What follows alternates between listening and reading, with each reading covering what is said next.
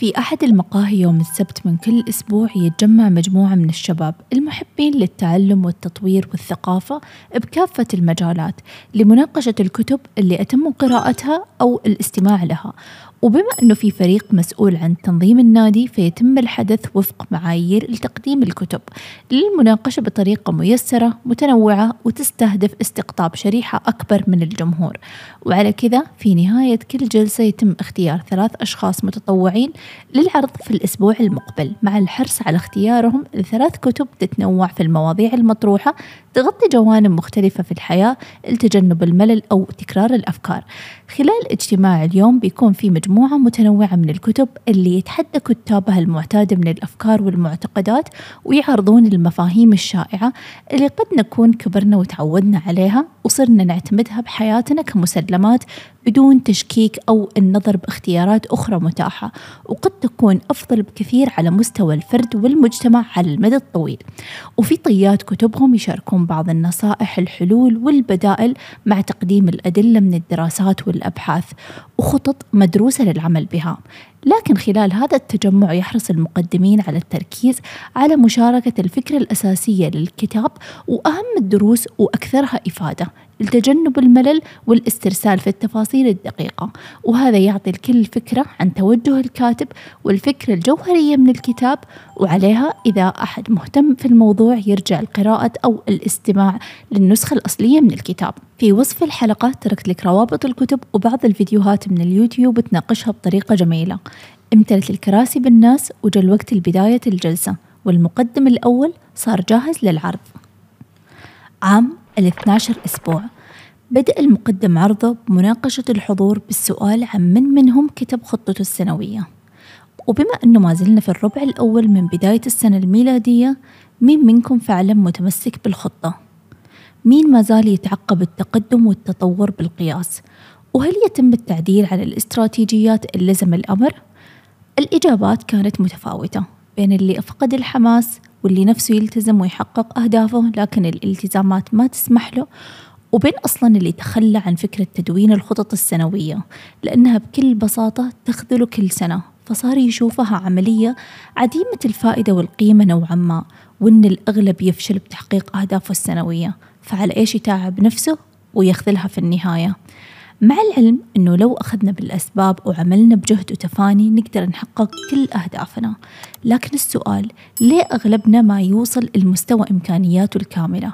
وكيف ممكن تكون حياتنا وشكلها إذا قدمنا أفضل ما عندنا كل يوم؟ وهنا تجي الفكرة من هذا الكتاب. ينصحنا الكاتب أننا نتخلى عن فكرة الدورة السنوية. ونعتمد عوضا عنها دورة مدتها 12 أسبوع. خلالها ممكن ترفع من مستوى إنتاجيتك ونجاحك. من خلال التخطيط والتفكير بأجزاء مدتها 12 أسبوع. تبدأ في الأداء بشكل أفضل وتحقيق المزيد من الإنجازات بفترة زمنية أقصر. من خلال تطوير رؤية ووضع خطة وتتعلم خلال هذه العملية كيف ترجع نفسك على المسار الصحيح مع الأنظمة وقياس التقدم اللي تحرزه. تخطيط الأهداف على أساس سنوي وسيلة لضمان الرضا عن النفس لكن تحتمل بشكل كبير سوء النتائج. معظمنا يفكر يبني الأهداف والمخططات على أساس سنوي. لكن هل ممكن يكون التفكير والتخطيط للأهداف على هذا الأساس عبارة عن فخ؟ الآن ببساطة في أول أسبوع من شهر يناير. شهر ديسمبر بعيد جدا. في الأشهر الأولى من السنة يكون سهل عليك تعكس على خططك وتتذكر أهدافك. وقد تكون عارف أنك ما أنت ماشي على المسار الصحيح لتحقيق أهدافك لأنه شايف نفسك وأفعالك بشكل يومي ما راح تقودك للهدف النهائي. لو استمريت على هذا الموال أكيد. بالوقت نفسه بتقول لنفسك أنه ما زال عندك كل الوقت اللي تحتاجه لتحقيق هذا الهدف مهما كان خسارة وزن، تحسين صحة، رفع مستوى عملك الخاص، زيادة الدخل، تطوير اللغة، تجهيز المسابقة وغيرها. فطول ما انت حاسس بالراحة وما تحس بأي إلحاح بالوقت فغالبا ما راح تتصرف بشكل عاجل. قارن فكرة المخطط السنوي بفكرة تأثير دورة التخطيط لمدتها 12 أسبوع 12 أسبوع فترة طويلة بما يكفي تقدر تحقق من خلالها شيء ذو معنى وقيمة الوقت نفسه يصير بما يكفي بحيث ما تقدر تحس بالرضا عن نفسك وانت على علم بقرب الموعد النهائي المحدد لك. فكل يوم بالنسبة لك بيكون مهم. المعيق الأساسي اللي يمنعنا من تحقيق إمكانياتنا الكاملة ما هو بسبب افتقارنا للأفكار لكن بسبب الافتقار للاستمرار والتنفيذ. أغلبنا على علم بالمقولة الشهيرة إن المعرفة قوة. لكن ما هي دقيقة تماما؟ لأن المعرفة بحد ذاتها ما تمنح مالكها أي قوة خاصة والمعرفة بدون عمل هي مجرد مجموعة من الأفكار والتغيير ما يحدث من مجرد أفكار. القوة تجي مما يفعله المرء بعلمه لأن مفتاح الوصول للإمكانيات الإبداعية والإنتاجية هو بالحقيقة التنفيذ. لما تنفذ معرفتك بالاستمرار فأنت تنتقل من صاحب الإنجاز المتوسط لصاحب الأداء الأفضل. باختصار الأفكار ما تكون قوية إلا إذا تم العمل بها. الممارسات المستمرة هي اللي تؤدي إلى تحسين النتائج بشكل كبير. فعند الالتزام بمنهج ال 12 أسبوع يساعدنا على التنفيذ بشكل أفضل بالتركيز على ما هو مهم وإدارة الوقت بشكل فعال وقياس وتتبع النتائج وتحقيق المزيد وبشكل أسرع. الرؤية هي الخطوة الأولى نحو تحسين ورفع مستوى الإنتاجية. فكر بأعظم إنجازات البشرية من الطباعة، الإنترنت، الطب الحديث، السفر للفضاء، الهواتف الذكية وغيرها. كل هذه الإبداعات بدأت كرؤية. حلم غامض ورائع فكر فيه أحد الأشخاص أو المنظمات وعملوا بجد لتحقيقها. فالرؤية تلهم للعمل بجد وتقديم أفضل النتائج. يجب أن تكون الرؤية طموحة لكن واقعية. ولزيادة فرصتك لتحقيق أحلامك والوصول لأهدافك لابد من أنه خطة ال 12 أسبوع تكون مسترسخة من رؤيتك. قد يكون من السهل عليك التفكير بأنك على علم ومعرفة جيدة بما عليك القيام فيه فما تحتاج تضيع الوقت بكتابة خطة سخيفة. على سبيل المثال يعرف الكثير من الناس أنهم بحاجة لممارسة المزيد من التمارين وتناول كميات أقل أو على الأقل أصناف طعام بجودة أفضل. لكن من دون خطة ثابتة لممارسة مثلا رياضة الجري قبل العمل حساب السعرات الحرارية بكل وجبة فإنهم يفشلون. المعرفة ما هي بديل عن التخطيط.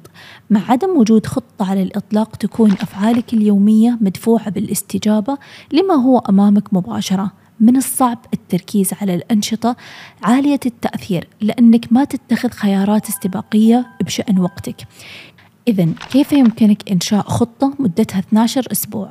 أولا اختر أهدافك. ثانيا اكتب مهام محددة وقابلة للقياس واللي إذا أكملتها بتؤدي إلى تحقيق هدفك النهائي. حاول التركيز على عدد صغير من الأنشطة المهمة اللي تعرف أنها ممكن تقربك أكثر نحو هدفك. ولا تبالغ في التفكير بالأمر. تذكر أن الخطة الجيدة اليوم أفضل من الخطة المثالية غدا. الجانب الإيجابي من التوتر. في الحياة بنعدي مراحل فيها تحديات. أوقات التسليم مشروع اختبارات انفصال طلاق مرض فقدان عزيز مشاكل عائلية وغالبا يكون مصاحب لها الضغط النفسي والإجهاد. أثناء مراجعتك لأخصائي التغذية يحيطك علما بأن مستوى الضغط له تأثير على مستوى تقدمك وخلال جلسات العلاج ينصحك الأخصائي النفسي أو حتى السلوكي بالابتعاد عن محفزات هذه الضغوطات النفسية لكن السؤال هل يمكن أن يكون للإجهاد جانب إيجابي؟ وهل يمكن أنه تأثيره يعتمد على طريقتنا بالتعامل معه؟ قد يكون من المحال أن نعزل أنفسنا بالكامل عن مسببات الإجهاد مواعيد نهائية ملزمين بالوفاء فيها. مشاكل يجب مواجهتها والتعامل معها. زحمة وسائل المواصلات الساعات اللي تتطلب منا الانتظار. الفواتير الملزمين بدفعها.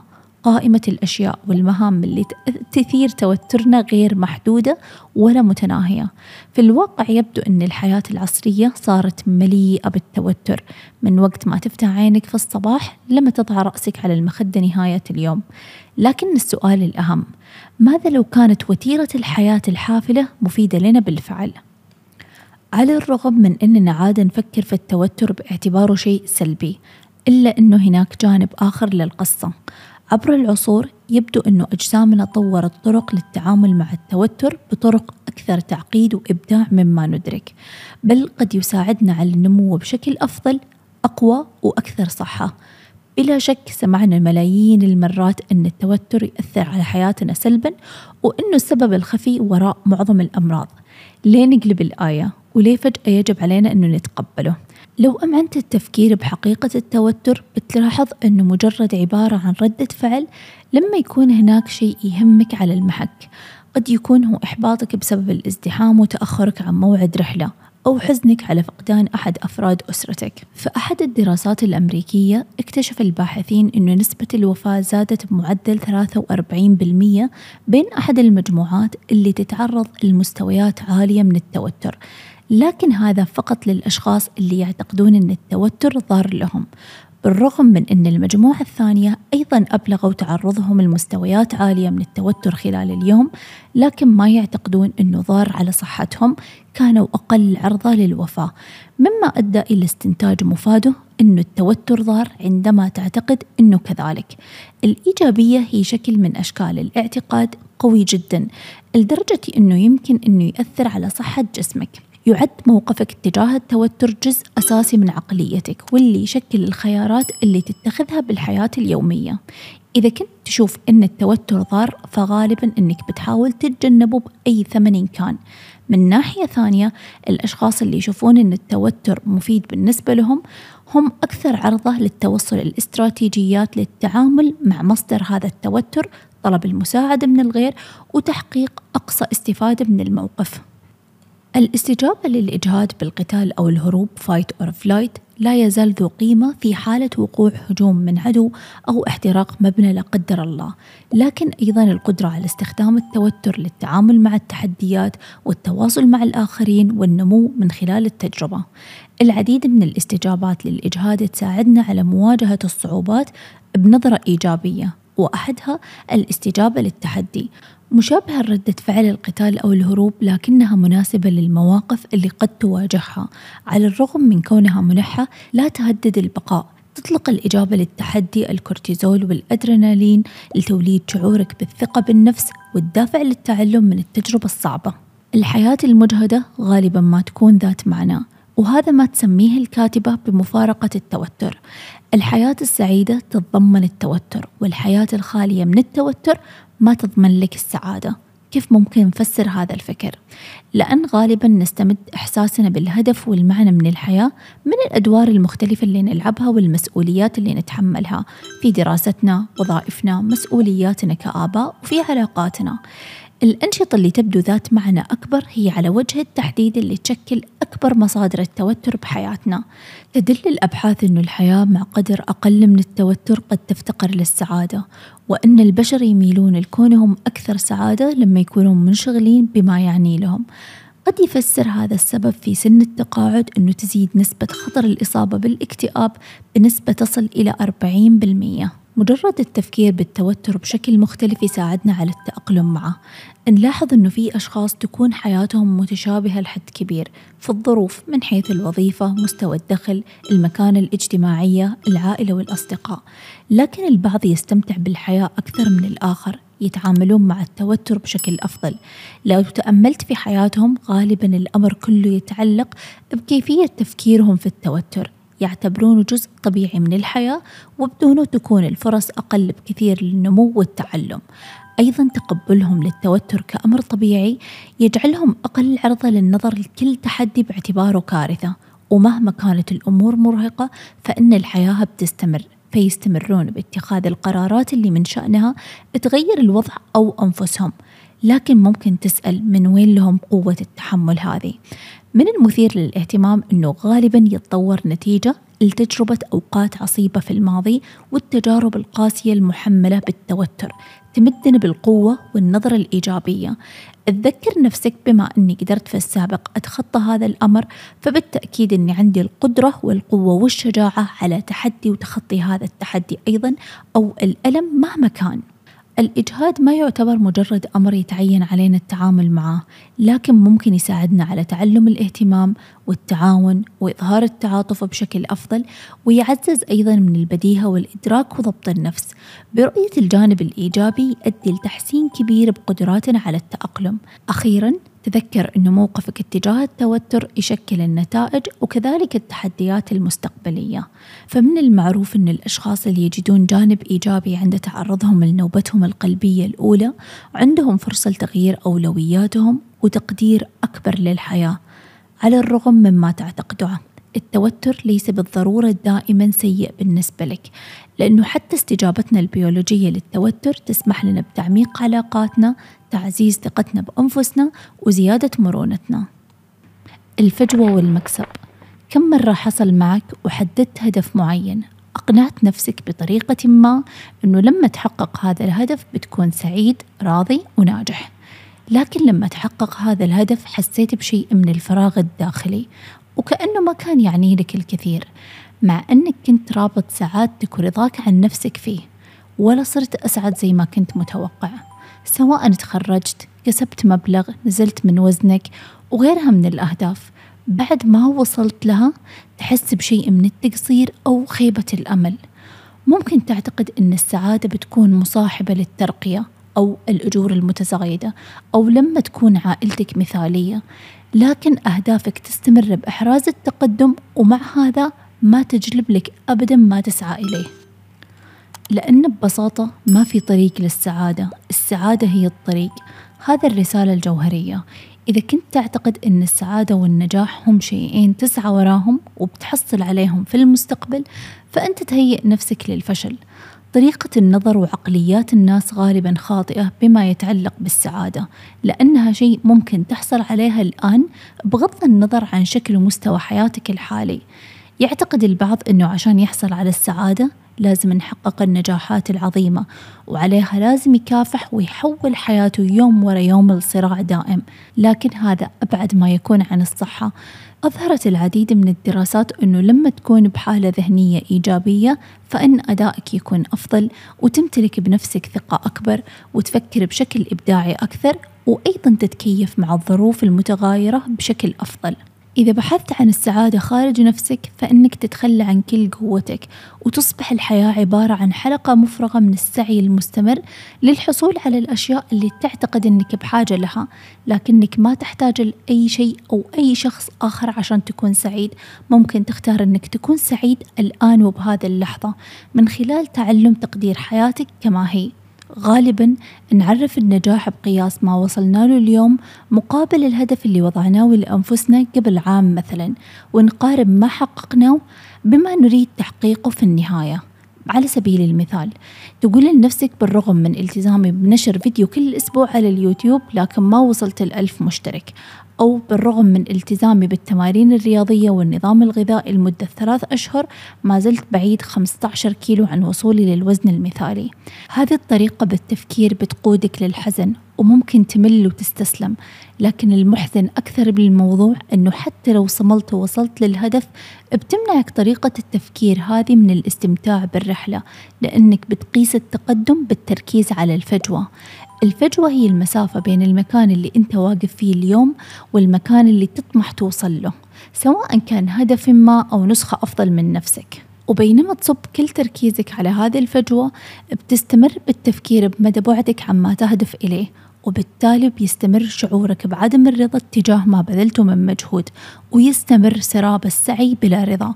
لكن ممكن تغير طريقة تفكيرك ونظرتك للتقدم. ممكن تتساءلون هنا عن الطريقة الفعالة لقياس التقدم. بسيطة جدا. اعكس المعادلة. بالنظر للخلف وليس الأمام.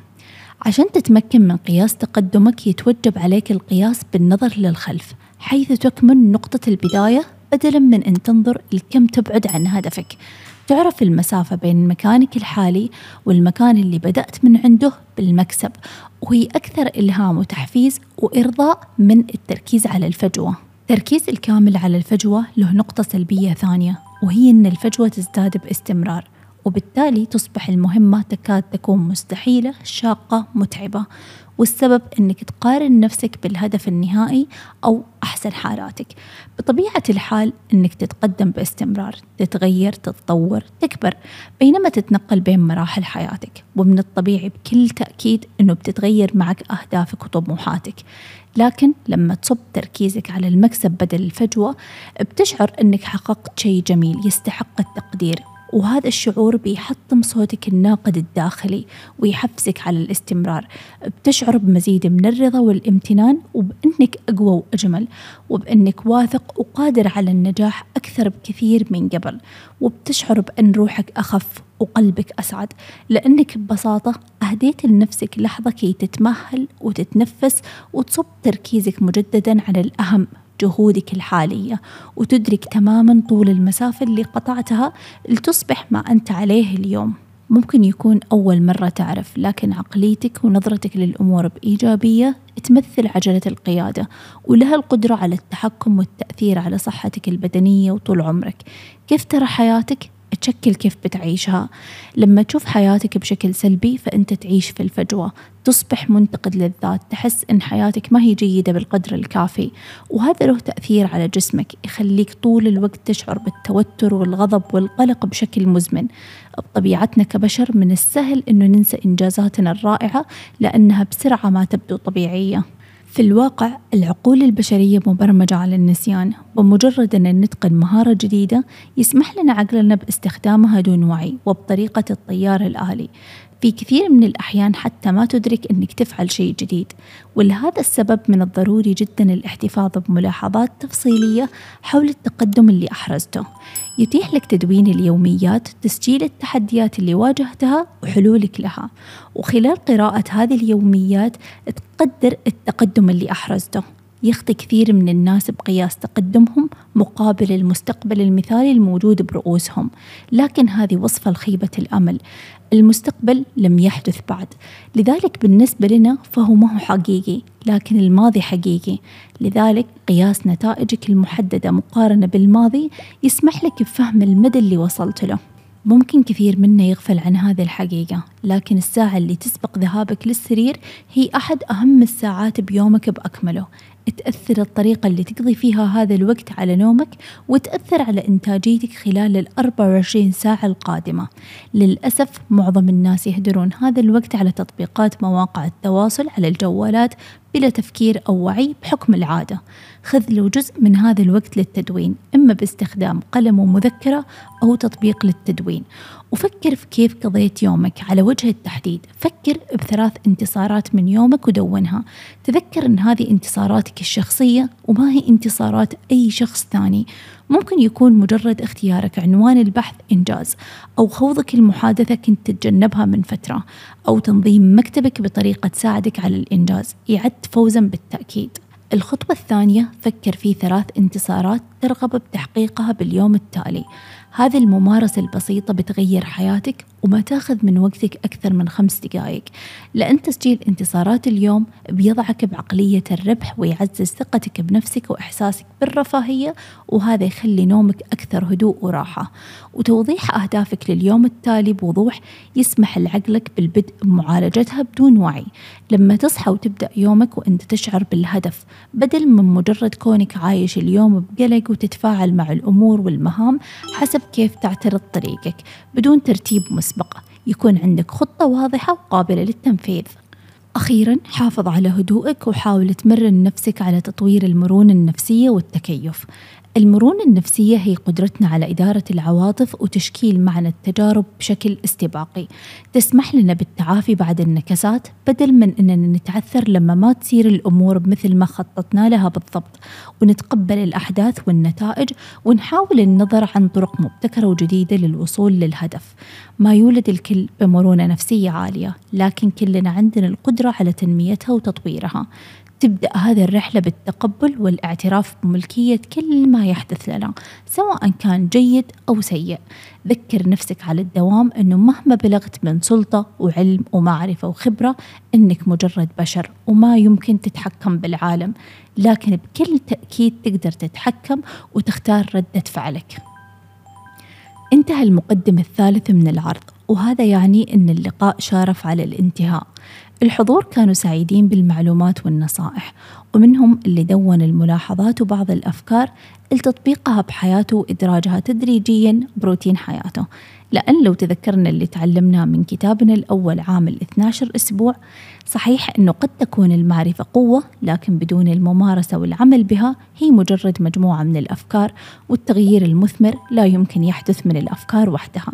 فأحرص يا صديقي على التنفيذ أو على الأقل جرب بعض هذه الأفكار لعلها تعينك على إنجازك ورفع مستوى حياتك.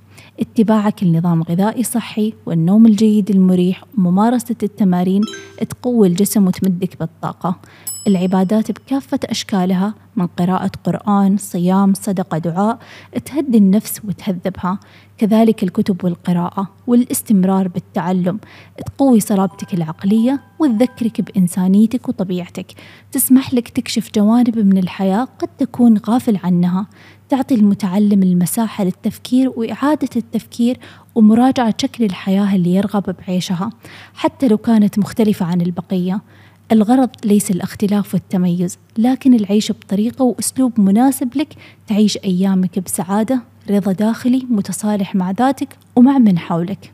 أتمنى أن تكون حلقة اليوم ممتعة ومفيدة. إذا أعجبتك الحلقة أشعرني بالضغط على زر الإعجاب أو مشاركة رأيك في التعليقات لتخصيص هذه السلسلة للدروس المستفادة من أفضل الكتب. وهنا ما يسعني إلا أشكرك على المشاهدة وأتمنى لك كل التوفيق والسداد. في أمان الله.